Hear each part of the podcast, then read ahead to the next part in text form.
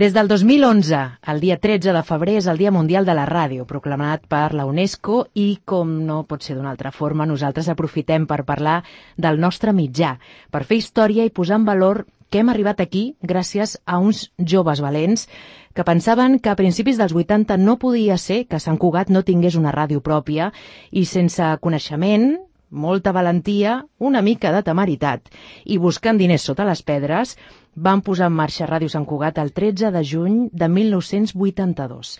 I tenim aquí el Ramon Grau. Hola, què tal? Hola, què Ramon, tal? el Josep Gràcies. Grau. Bon què dia, tal? què tal? I el Màrius Caral. Hola, què tal? I recordem també eh, el Paco Garcia. ens va deixar fa uns anys i la veritat és que se'l troba, se'l troba molt a faltar perquè era una persona que tenia una sensibilitat especial amb la música Sí, i sí, sí. ens va ajudar molt, la veritat. Eh, no he anat massa errada, no? Joves, sent, no? Valents, Molt, molt, molt joves, buscant sí. diners. Quines edats, aproximadament? Fem memòria. 20, 20 i pocs. 20 i alguna Jo tenia- 23, Apropa't una miqueta, Josep. El 82 tenia 22 anys. 22 anys. doncs jo un més que tu. doncs, Sí, venia l'Emili, jo havia 23. fet Ah, militar. acabats l'Emili, tu estaves estudiant. Jo 24, 24, 25. Doncs mira, igual, ja ens portem uns mesos. Tinc aquí alguns àudios, això és la, la part fantàstica de tenir la, la moroteca La eh, de ràdio gravada. i memòria eh, gravada, fer arxiu, per recuperar àudios, per exemple, com aquest. A veure si a algú li sona aquest àudio que sona ara. Tope! Tope! 10! 10! Carai, això sí que és la meroteca autèntica. Això és una sorpresa que t'ha fet el Màrius. Carai, ha vingut que abans, No, no sabia ni de què anava, imagina't. ha vingut abans Sí. amb el caset per digitalitzar sí, aquesta sí. part. És un caset que has trobat, entenc. Espera, espera, Sí. que... Bona estona. Ara aquí el Per tenim. tothom que se senti jove. De dilluns a divendres i de 5 a 6 de la tarda, amb tu, Mario Caral. I la música, què és actualitat? El meu nom, perquè el Ramon, eh, encara havies, havies començat amb mi ja el programa o encara no? No no recordo. Vam estar un temps junts, un temps separats, un temps... No ho recordo, Però la sintonia era la mateixa però tens sintonia. una veu molt de Juvenil. jovenet, eh? Molt Juvenil. de jovenet. Sí, ha baixat una mica, eh? El... Sí, molts cigars pel mig, no sé què haurà passat. No? Tope 10 és la primera experiència radiofònica? Sí, sí, sí, sí. Amb una emissora que va durar poc temps, que estava a l'Avinguda Cerdanyola, Ràdio Vallès, que feia una programació molt musical de Ràdio Fórmula Sí. i tal, i, en, i allà vam fer el primer programa junts, el Mari i jo, i d'allà va néixer una mica la llavor del que després va ser la ràdio, no? Perquè ens vam entusiasmar, nosaltres ja ens agradava molt aquest món, el Màrius ja portava també temps, el meu germà estava estudiant en enginyer de telecomunicacions, el Josep, i vam dir, escolta, aquí hi ha un caldo de cultiu que l'hem d'aprofitar. Tu havies estudiat, havies començat aquesta carrera pensant en la ràdio? No, a veure, vaig... Potser és la meva vocació de sempre, d'estudiar enginyeria, i... però no vaig pensar en la ràdio. El que passa que sempre el tema de radiocomunicacions mm, és el que més m'ha agradat, no? I a més la, el meu trac professional ha anat en aquest sentit sempre. Però jo era un pipiolo, o sigui, acabava de... eh, acabava de, vaja, 22 anys, em diràs. Eh? 22 anys, i com sorgeix això d'un- de- de- d'una tarda de cerveses? Va, muntem una ràdio, va. Sí, va, tenim- co- Teníem co- un com, punt de trobada, no? Teníem un Teníem punt un de trobada. punt de trobada que era el Magrola, que era, Exacte. que era un local de, de copes i així que portàvem el Josep i jo Mhm. en el carrer Sant Bonaventura. I allà hi fèiem fins i tot concerts i, bueno, I tant. En aquests moments no, no ho podíem fer tot allò, però llavors en aquella època semblava que hi havia més permissibilitat, permissibilitat de, de part de tothom, dels veïns, de, etc. Sí. I fèiem concerts, i ens trobàvem anar allà i vam, vam començar a parlar, escolta, això ho hem de tirar endavant, Sant Cugat no té cap mitjà de comunicació, eh, la ràdio és una cosa que a tots ens agrada, el Paco s'hi va afegir, el Paco García, Mhm. I bé, vam començar doncs, a dissenyar uns estudis autoconstruïts, esclar. Vam buscar diners, ens va ajudar la família i, bueno, i tot plegat, no? De la manera que en aquell moment es podia fer. Ara seria molt complicat fer-ho. Vam conviure un temps amb Ràdio Vallès, però vam iniciar una experiència nova a Sant Cugat perquè l'altra emissora no, no empapava en, en el municipi amb el personal, amb la gent, no, no Era calava, no calava, més seria la paraula, no? Era una difusió més cap a Barcelona, era, no? Era musical, no tractava gaire temes esportius, les notícies eren genèriques, no eren locals, eh, no van enfocar-ho gaire bé, gaire bé al tema de localitat, no? de la informació local i esportiva. I nosaltres teníem tot el contrari, no? la il·lusió era aquesta, precisament, fer participar la gent de Sant Cugat. I... I els fet, coneixements, tu, que estaves estudiant a la carrera, aquells coneixements són els que la base, entenc, per poder muntar les... Bueno, a partir d'aquell moment el que vam fer és... Bueno, vam, vam fer un projecte i, i vam definir el que volíem i el que necessitàvem i el model de ràdio que volíem fer i a partir del model de ràdio es defineix el model tècnic. I, i bueno, molt, diguéssim, molt autoconstruït, ho fèiem nosaltres, vam fer la, el condicionament acústic de, de l'estudi, eh, la compra dels equips, Que, on vareu anar a comprar els equips? Eh, Que això és una altra història, no? Vam aprofitar per fer els viatges. El Josep se'n va anar a Itàlia, jo em vaig anar Jo a me'n vaig anar a Itàlia, a Itàlia amb un dels socis, que, era, que tenia una empresa de- d'instruments musicals, i allà doncs, bueno, vam comprar els micros, les taules i una sèrie de coses que, que, vaja, que podíem comprar-ho econòmicament més avantatjós que aquí, no? I el Mario, Jo em vaig anar a Andorra, perquè, amb tot el que era domèstic, casets, plats, giradiscos, amplificadorets, altaveuets, totes aquestes coses, eh, aquí no es trobaven gaire, i si es trobaven no tenien un preu gaire assequible, i allà doncs, no és, no, era molt més econòmic, i això va comportar doncs, una anècdota que si tenim temps l'explicarem, i si no un altre dia ja l'explicarem, però... Quan valia la pena anar a Andorra, no? Valia En molt la pena anar a Andorra, època. molt la pena. Si podies caquejar els impostos també valia més la pena, passa que nosaltres ens van enganxar es caquejaven els impostos i van posar una multa una mica Però va sortir més car va sortir més car Al final, el Em- farciment que el gall. El centre emissor inicialment estava davant de l'edifici on teníem el carrer Sant Antoni. mm -hmm. Allà vam posar la primera antena. davant algun edifici o, o A sobre. van, a sobre de l'edifici? A dalt, a tor, a, a, No hi havia tants problemes tampoc No, no, per gens. posar... Els veïns contents, tothom content. contents. Tenien que passar per casa una veïna que tenia molts gats, però, bueno, doncs ho vam posar en marxa. I el segon centre emissor, ja perquè des d'aquest punt no cobríem tot Sant Cugat, que és molt ampli Mm -hmm. territorialment, i llavors vam anar a la Floresta. I A la Floresta, on és ara? A prop? Sí. No, no, al mateix lloc, al mateix Al lloc. mateix lloc. El dipòsit. Sobre un dipòsit que ara ja no hi és, un dipòsit que era del segle XVII o sigui, del mil, no sé, vull dir, molt, molt antic, el dipòsit hi havia antena a sobre i el dipòsit es anava movent, i llavors l'Ajuntament va decidir eh, treure el dipòsit, van treure el dipòsit, van fer unes casetes ara modernetes, no sé si el Josep les ha vistes, ja, ja han, han edificat, i la torre original que teníem, que tenia 20 metres o 18 metres, ara n'hi ha una però una autostable molt sòlida, Mm. que té molts serveis, a part del de la ràdio, i les És utilitza... que és un emplaçament Sí, estratègic. sí. estratègic, no? També vam tindre un problema amb la freqüència, perquè Us anava a preguntar la freqüència. la freqüència 91.5, doncs teníem un... Era punt 7. Punt 7 al principi, perdó, no? Punt set, sí, però vam tenir una freqüència amb radioteletaxi perquè coincidia, eh, diguéssim, eh, molt a prop de la nostra, i hi havia zones de Sant Cugat que ens, ens, ens afectaven ells, i hi havia zones que cobria Teletaxi que els afectaven nosaltres. Vam anar el Màrius i jo a parlar amb el Justo Amb Molinero, la Justo Bolinero. Santa Coloma. que era, exacte, que era en aquell moment el responsable de, del gremi, diguéssim, i a més l'amo de l'emissora. I De... era, I era taxista encara. I era Era taxista, feia era de els taxista, inicis sí. aquells, no?, de l'origen. I devia tenir el negoci de les ràdios, allò que els taxis portaven Sí. una ràdio al Sí, cotxe. sí, exacte. Eh sí? I allà, bueno, vam intentar negociar, tu tírate para acá, nosotros nos tiramos por allá. Perquè éreu alegals tots, tots. Tots, Ell sí. també. Sí, Ell també ho sí, era. Sí, sí. El que passa que el govern, en aquí, si vols, entrem en el tema. Després, eh, quan, Sí, quan després, parlem de, no. de, de la segona etapa, D'acord. eh, llavors la freqüència va ser negociada amb el Justo Molinero. Recordem que a Catalunya Ràdio encara no existia. No. No hi havia ningú a l'FM, només Clar. hi havia Ràdio Club 25, No, hi havia, hi havia Ràdio Sabadell, les nacionals. sí, quatre emissores o La, cinc. la SER... T'avorries eh, buscant dial, eh? Sí. Exacte, la COPE, les nacionals estaven. Sí, sí, El que sí. passa és que hi havia espais, l'únic que bueno, utilitzava una freqüència tan propera als dos que, que bueno, ens feien mal mútuament i al final vam anar a dir, oye, tu tírate para la derecha, nosotros para la izquierda i Una I- comida i s'arreglava. una comida i s'acabava. I va 91.5, va acabar aquí. Exacte, sí. A mi m'interessa saber els moments previs de de- d'aquest moment.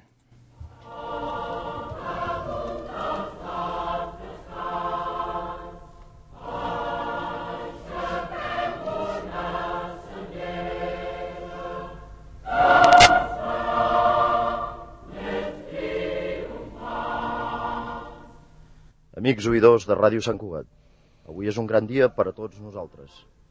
Ràdio Sant Cugat som un equip de gent jove, que sortim a les zones amb la gran il·lusió de cobrir un buit d'informació i d'entreteniment marcadament local. Ràdio Sant Cugat neix també amb la gran aspiració de ser per a tots la nostra emissora, de ser per a tots la nostra ràdio. Les línies bàsiques de la nostra tasca són som una emissora totalment independent, defensar i fomentar la cultura catalana. És una mica el que el projecte que vau decidir Exacte. inicialment Quina- de què faríeu. Quina veu més diferent, també. No, Déu-n'hi-do, se't reconeix. Hauríem de tornar Una mica accelerats. Sí. Una mica a- accelerat, imagino, pels nervis, no? Perquè la, la gran responsabilitat de, de ser la primera veu... Bé, la primera veu jo crec que va ser aquesta. Ay, cielos, prueba la voz, sale bien. La Sílvia, Sílvia Claveria. Sí, veus d'aquelles que, no, que se senten abans d'enxufar... Abans d'inaugurar, sí. Eh, no, el saber si estem sortint, si no és la primera vegada de, de tot, de moltes coses. Aquesta sensació i de fer-ho... Quanta gent éreu allà a l'estudi? No sé, uns 10, 12... Estaven partits, eh? Estaven partits perquè vam inaugurar la plaça de l'Oc- d'Octavià. Vam- vam posar uns de- altaveus, sí. Vam posar uns altaveus i una mica d'acte eh, perquè la gent doncs, escoltés a primícia allà davant directament al so de la ràdio. El Josep estava amb el em no? sembla, no, Josep? Que no havies dormit aquell vespre, no havies dormit ni tu ni el Acabant de, de, de ni fer les Ramon Sangarà, connexions... No havia dormit gens. Ni ell, ni el 13 de Ramon. juny del 1982 a les 12 del migdia. Hi havia un, un escepticisme absolut per part de la ciutat. Bueno, de la, no, en aquest moment no sé si érem ciutat encara, perquè em sembla que érem 30... 30.000 No arribàvem, no arribàvem. No arribàvem. aproximadament. I, clar, la gent deia, què, què, què passa aquí? Què estan fent aquesta gent? No? I vam posar uns altaveus al mig de la plaça i va començar la, la missió, no? I realment va ser molt... I va molt- sonar. I Sí, sí, va sonar. Apropa't, Josep. I Va va sonar, so- estaves va sonar. a la plaça... I què, quan va Finalment. sonar és com... Bueno, eh, no, no només va sonar en els altaveus, sinó que sintonitzaves un... A la freqüència. A la freqüència i sortíem. I era màgia. Sí, sí. A més, Era ens vam com- passar moltes hores donant voltes amb el cotxe per veure fins on arribava, no? Si arribava, doncs, a la porta de Rubí o si arribava a Cerdanyola, El etc. que passa que amb poqueta potència cobries un espai Sí. increïble, perquè sortíem amb 20 watts només, em sembla, llavors. Però el, el problema va ser només a l'inici, que Clar. sortíem de la- de l'edifici que estava la, als estudis i la cobertura era problemàtica, No perquè amb altura. 20 watts i, i des del centre de Sant Cugat... Des de l'edifici aquell, no? doncs eh, la cobertura era lim- limitada i no hi havia zones de Sant Cugat que no cobrien bé. Fins que no vam anar a, a la Floresta i ens vam posar d'acord amb el Justo i, havien dit, i a partir d'aquí inclús vam, vam augmentar potència Vam poder muntar a 250, 10 vegades més la potència 10 que, vegades sí, més que a, tenia. a la Floresta, sí. Sí, sí, sí. Per cert, a partir d'aquí ja vau començar, a- imagino que ja us va organitzar la graella una miqueta per horaris. Com va ser la rebuda dels santcugatencs i santcugatenques de, de la ràdio? Heu tenir oients? Teníeu molt feedback? Sí, sí, constantment. Evidentment, era una població més petita, llavors, eh, lògicament, tens les, no, la, el feedback més, més proper, no? I ràpidament vam començar a tenir doncs, gent que es va presentar per fer programes, gent que, que ens enviava suggeriments, etc. Va ser, va ser bueno, una moguda important i, i penso que per aquest poble o per aquesta ciutat va ser doncs, el primer gran mitjà que, de comunicació que va tenir Sant Cugat. No? I tot això vam sortir al mig del Naranjito, Mm, el noranta- Del Mundial? al Mundial de Futbol d'Espanya. Teníeu competència? Bueno, eh, la gent estava molt pendent pel futbol i tot i així la gent es va vincular de seguida amb la millora. Quan hi havia programes, les trucades no paraven, és que no... A, a la telefònica, aleshores, a la telefònica hi havia una central a Sant Cugat i anava mecanitzada en relés, no era, de, digi- no era, no era electrònica com ara, eh, va trucar una vegada dient que per favor que com, quan convoquéssim trucades no ho féssim de forma sobtada, no que diguessin que la gent és trucant perquè es bloquejaven A poc a poc. es bloquejava la central telefònica de Sant Cugat a causa de la ràdio Això del Naranjito també suposo que ho dieu perquè el mateix hora que iniciàvem nosaltres les emissions a les bars Sant Cugat ballaven el Exacte. Nou Camp, que era la inauguració dels Jocs, no? Ai, dels Jocs, del No, Mundial. del Del Mundial. I, I clar, això també hi havia una expectativa no? que les bars Sant Cugat fos el protagonista d'aquell acte, no? Aquell, aquella frase de, de Sant Cugat al món, Ah, exacte, eh? Al exacte. final. Eh, tinc aquí un arxiu. A veure...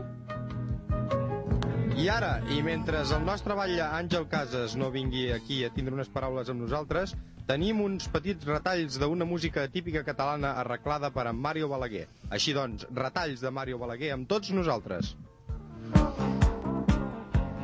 Sí, No, la- la- L'alcalde era l'Àngel Casas, sí, sí, Sí. eh, del PSC. Sí, això era molt al principi, sí, clar. que, que això és de la primera etapa. No, no recordo la veu d'aquest No, que locutor. podia ser el David Tallada, podia ser el Leandre Terol, podia ser tanta gent que ara estan Sembla triomfant per les emissores de ràdio. Allà van sortir molta gent de Sant Cugat. Eh? Sí, sí, sí. El consistori. Quina rebuda va tenir l'Ajuntament a una ràdio que començava a informar de forma independent de tot el que passava a Sant Cugat? Mm, Bé, l'Àngel Casas eh, jo crec que ens ho va posar molt fàcil, no? Era una persona molt dialogant, molt amable.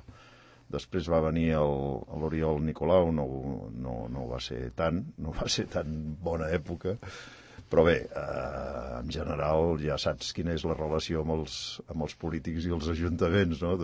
Es tira i arronsa, però en general va ser bona, eh? en totes les etapes, en Joan Emeric, eh, va fer possible que l'emissora es mantingués gràcies a, a passar la titularitat municipal i en general sempre, sempre ha sigut més o menys bona. Eh?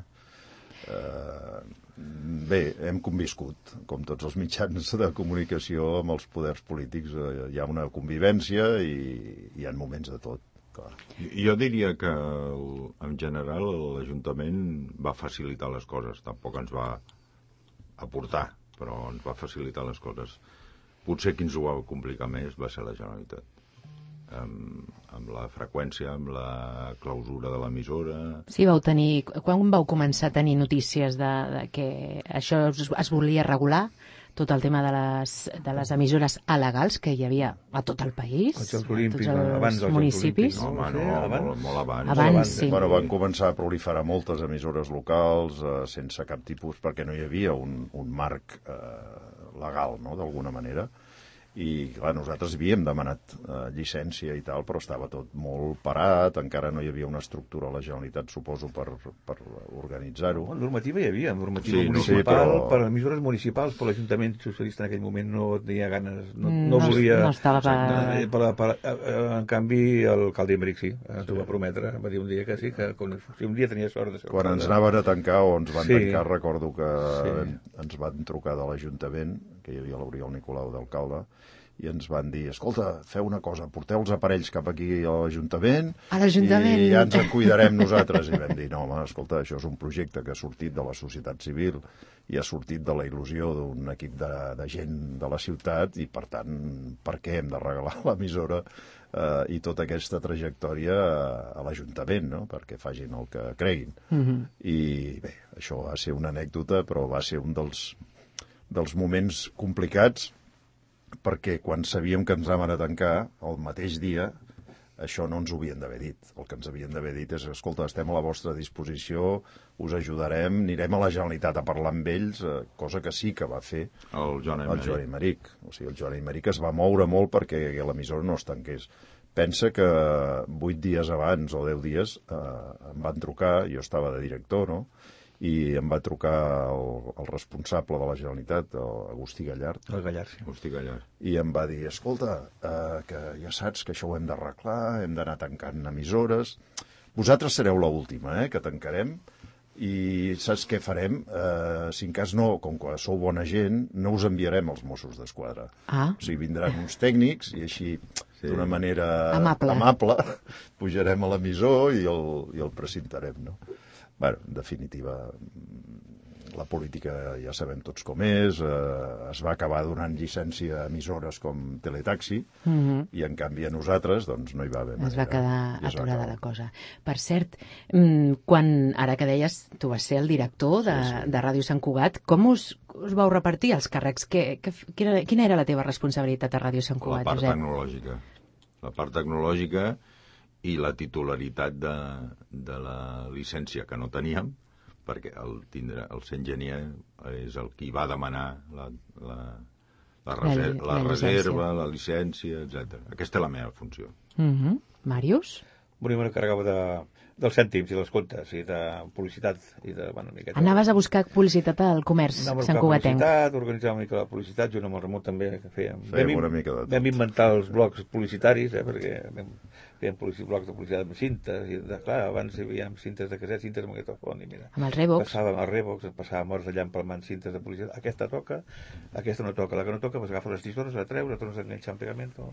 Llavors I vam, així- va, va coincidir de que en aquell moment eh, començava a bullir tot el tema de, les, de la ràdio, de la Generalitat, eh, la posta a punt de, de Catalunya Ràdio, encara no hi era, i fins i tot me'n recordo que havíem fet un programa junts amb Catalunya Ràdio que, Ah, que va sí? representar una bronca per la pobra per la pobra locutora, periodista, que ara no recordo el nom, però era una, una noia que, que feia un programa, la, línia directa o... La Sílvia Coppola, directe. La Sílvia Coppola. La, Sílvia- a la, a Podria la, ser la no, no, Coppola. no, no, no. Era una, una noia que, pobreta, va morir al cap de poc temps. Eva Eva Algarra, Algarra. Eva Algarra, doncs, Eva Algarra. I- Era la directora d'informatius. I fins i tot en el seu programa, ara connectem amb Ràdio Sant Cugat, que fins i tot li va portar problemes. Però bé, eh, aquell moment eh, començava doncs, a preparar-se la sortida de Catalunya Ràdio i mira, eh, van començar a fixar-se amb gent, van fitxar el Josep, que encara Us no van està- robar el, ens el van Josep. robar el Josep, el Mario després, i, I en fi, i, companys, i, el va, Jordi Capell. i això va obrir la porta que molts professionals que es van formar a Ràdio Sant Cugat doncs saltessin a emissores més grans. No? Emi- en a- I la en llista, emissora de la país. llista és llarguíssima. No? Us volia preguntar si d'altres municipis, gent com vosaltres, d'altres municipis, us van venir a preguntar això com ho heu fet? Sí, On heu posat? sí. Eh, recordeu veure, municipis... No, nosaltres també teníem un cert mirall a Ràdio Rubí. Hi havia gent, que el Jordi Margarit, i hi havia gent que ens explicava més o menys com funcionava. Fins i tot teníem algun locutor i algun, gent que feia programes que venia de Ràdio Rubí. I, però sí que hi havia altres llocs que ens preguntaven com ho heu fet, com ha fet el projecte, com ho heu presentat, sí, ens preguntaven, sí, sí. Però no només de la zona Vallès, també, de, inclús De tota Catalunya. De tota Catalunya, sí. I, Josep, quan et van reunir et van dir mira, estem pensant fer una ràdio que arribi a tota Catalunya. Què? Catalunya Ràdio. Ah. Bueno, jo vaig... Eh, jo, de fet, vaig sortir de Ràdio Sant Cugat abans que la tanquessin, perquè vaig, vaig entrar a Catalunya Ràdio el juny del 83, que tot era un projecte, de fet, no hi havia res. Mm? I la proposta que em van fer, i, bueno, doncs, inicialment portar la direcció de- d'alta freqüència, que és tots els centres emissors i desplegar els centres emissors de tot Catalunya, i, i bueno, la proposta que em van fer la vaig acceptar, em van agafar de becari primer, però vaig estar un mes de becari. Llavors ja es va construir doncs, tots els estudis de Barcelona, els de Diagonal, i, i tot el desplegament de, de la ràdio. Això va ser el primer canal. Després ja vam llançar eh, Catalunya Informació. bueno, també RAC 105, alhora, en aquell moment RAC 105 era de la Generalitat. Mm -hmm. O sigui, hi havia un conveni entre la Generalitat i l'Associació Ràdio, Ràdio Associació de Catalunya per cedir la freqüència a la Generalitat. I, de fet, el, el, el 105, RAC 105, inicialment es va llançar des de la Generalitat. I era RAC 105, eh, ca, bueno, Catalunya Ràdio, RAC 105, Catalunya Informació, i després es va llançar ja Catalunya Música i, déu nhi i sí, a veure, també va ser uns inicis complicats i hi havia molta gent jove, érem gent novella en el sector, eh, sí que es va agafar gent d'altres emissores, però... Com el Màrius, no? Eh, Mm, I tant. Llavors es va crear eh, es va crear la divisió de, de, de continuïtat, que era una divisió a part de la divisió tècnica, i necessitaven bueno, doncs, tècnics d'exteriors, tècnics de... buscaven gent al mercat per fer, diguéssim, tè- tècnics de continuïtat, realitzadors i tècnics d'exteriors, no? I a mi em van preguntar si coneixia gent i jo vaig dir, home, Home, Ràdio Sant. Cugat està ple. Capell, el Màrius... clar, perquè Ràdio Sant Cugat era una escola, i és una escola, ha estat escola, una sí. escola als 42 anys que farà el juny per periodistes, per tècnics, eh, per professionals de la ràdio. Llavors no hi havia escoles, no?, de, de, ni de tècnics de so, Bueno, hi havia l'Institut eh, Oficial de Ràdio i Televisió, que depenia de Ràdio i Televisió Espanyola, que estava allà al carrer a les Rambles, però era una cosa molt crònica, eh? vull dir, era una cosa molt... I la gent, no hi havia una escola. Ara hi ha molts llocs que pots aprendre a fer coses de ràdio, fins i tot a les, facult a les A universitats. la universitat, mm. aquest és l'avantatge. que- però, però en aquell moment era tot molt, diguéssim, I llavors es va obrir una etapa no, de, de fitxatges de tècnics, després de periodistes, de, de presentadors, de, en fi, vull dir, la llista, i segur que em deixaré molta gent, no? Però des de, no sé, el Jordi Capell, el Jordi Galbany, el, el, la Susana Guerizo, per exemple. Mm. Bueno, que sí, començar aquí. sí. El David Talleda. El l'Edith David. Talleda, la Cèlia la Sarnada. Cèlia Sarnada. Bueno, en fi. després ja ha anat creixent inclús, eh, com deies, hem sigut escola, i escola de gent que està Que triomfant. està en primera Ara línia. tenim la Marina Romero. Ara. Marina Romero al matí de Catalunya Ràdio, a, a RAC 105, a, a RAC1 n'hi ha molts periodistes que han passat per aquí. A l'Esteve Sala. L'Esteve Sala, que està a Washington. Sí, sí. Eh, Tenim un alcalde, Catalunya de Ràdio. tenim un alcalde. Ah, un alcalde també, que també va passar per, per Que va Ràdio Sant aquí, Cugat, sí. el Josep Maria Vallès, déu nhi eh, Parlàvem de la primera etapa. El, abans, fora de micro, us, avis, us deia que ara el 30 de, de gener ha fet eh, fa 30 anys 35. no? 35 Deies? anys de l'inici de la segona etapa que començava, si no recordo malament, així. Esteu escoltant Ràdio Sant Cugat en període de proves. La nostra freqüència és el 91.7. Us preguem que truqueu al telèfon 674 86 Aquest era el període de proves i ara sí. Crec que era la Maribel. La Maribel, sí, una gran veu i una persona molt vinculada a la ràdio. Són gairebé les 8 del vespre. Hola, bona tarda. Amables oients, avui Ràdio Sant Cugat està de festa. Ho tenim tot preparat. Hem passat l'aspiradora per la moqueta, hem tret la pols als discos, hem connectat els micros i hem omplert l'estudi de floretes. Volem celebrar com cal la nostra inauguració. Una emissora de ràdio no s'inaugura cada dia. A més, estem decidits a que avui sigui l'última vegada que inaugurem Ràdio Sant Cugat. L'última vegada perquè era la Perquè segona. estem decidits Sí, sí. a estar durant molts dies, molts mesos i molts anys al teu costat.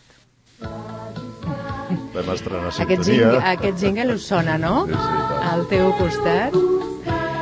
Altres veus, el Rogeli, la Pedró... melodia, la melodia de, del Pagre i Joan. No? Sí, a més a més vam, vam seguir amb la mateixa línia, amb les mateixes veus gairebé, amb veus molt destacades de la primera etapa, la Rosa, el, la Rosa Díaz, la Carme Reverte, el, la Maribel, el Xavi Fornells, que es va Mhm. incorporar llavors, El Juan Gil. Juan Gil... El Juan Gil, a Sony Music, que després va anar a Sony Music. Sí, tant. Una gran veu, el Juan Gil. Eh? O sigui, va ser com, una, com un parèntesi, no? I vam intentar que sigués el més... El més, El eh, més curt, i que no es possible, notés. Que no es notés Aquí no ha passat res. Ramon, i tu, eh, passat el temps, vosaltres vau deixar la llavor, vau fer fundar això i després vau anar marxant? Tu també vas iniciar un, un projecte, una aventura desconeguda, també? Sí, jo vaig marxar, de fet, em vaig desvincular el 90 o 91, eh, que ja l'emissora ja estava plenament municipalitzada i, i bé, mm, so, mm, vaig tenir una mica l'encert en aquell moment de que el 85 ja havia iniciat eh, un nou projecte, el Tot Sant Cugat, i vaig compatibilitzar-ho amb la ràdio, i al final doncs ja vaig seguir fent els meus projectes editorials i mira, i fins aquí, no? I la ràdio va sens- volar. La ràdio, sens dubte, va ser la, el, la primera pedra de tot plegat, dir, sens dubte. La municipali municipalització va arribar amb la, no a l'inici de la segona etapa, sinó una miqueta més Sí, al endavant. cap de... de, de un... Bueno, es va aprovar, crec que el 89, però es va fer efectiva al cap d'un parell d'anys, perquè llavors sí que eh, la llei o la normativa, segons sembla, no permetia que, que una empresa privada gestionés un mitjà públic i va ser quan es va decidir, escolta, això ha de passar tot a l'Ajuntament i, i va ser així.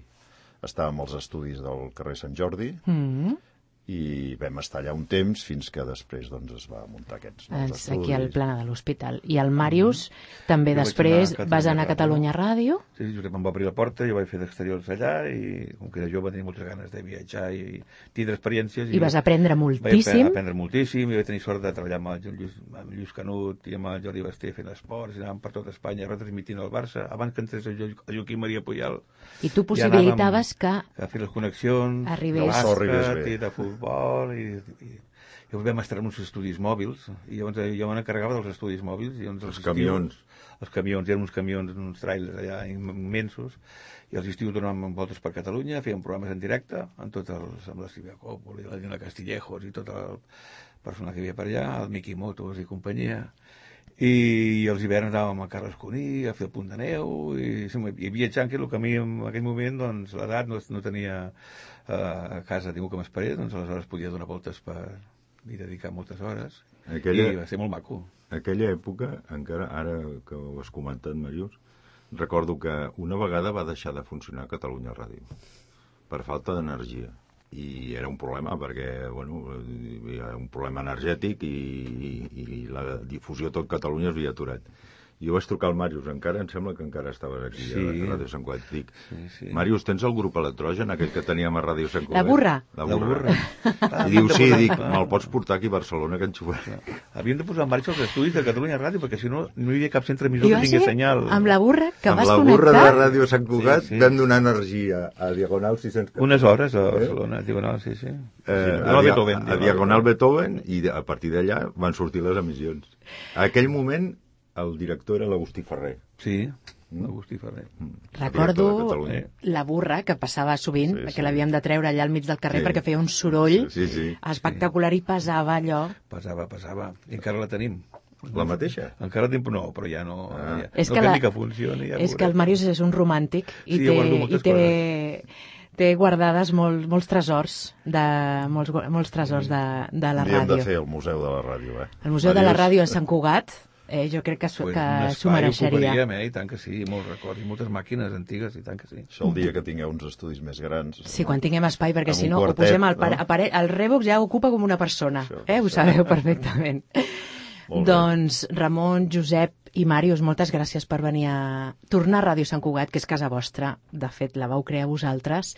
Eh, moltes gràcies i us continuarem trucant de tant en tant eh, per fer memòria, Quan per, vulgueu. per tornar la, a recuperar aquesta història i, com va dir en el seu moment Ramon Grau,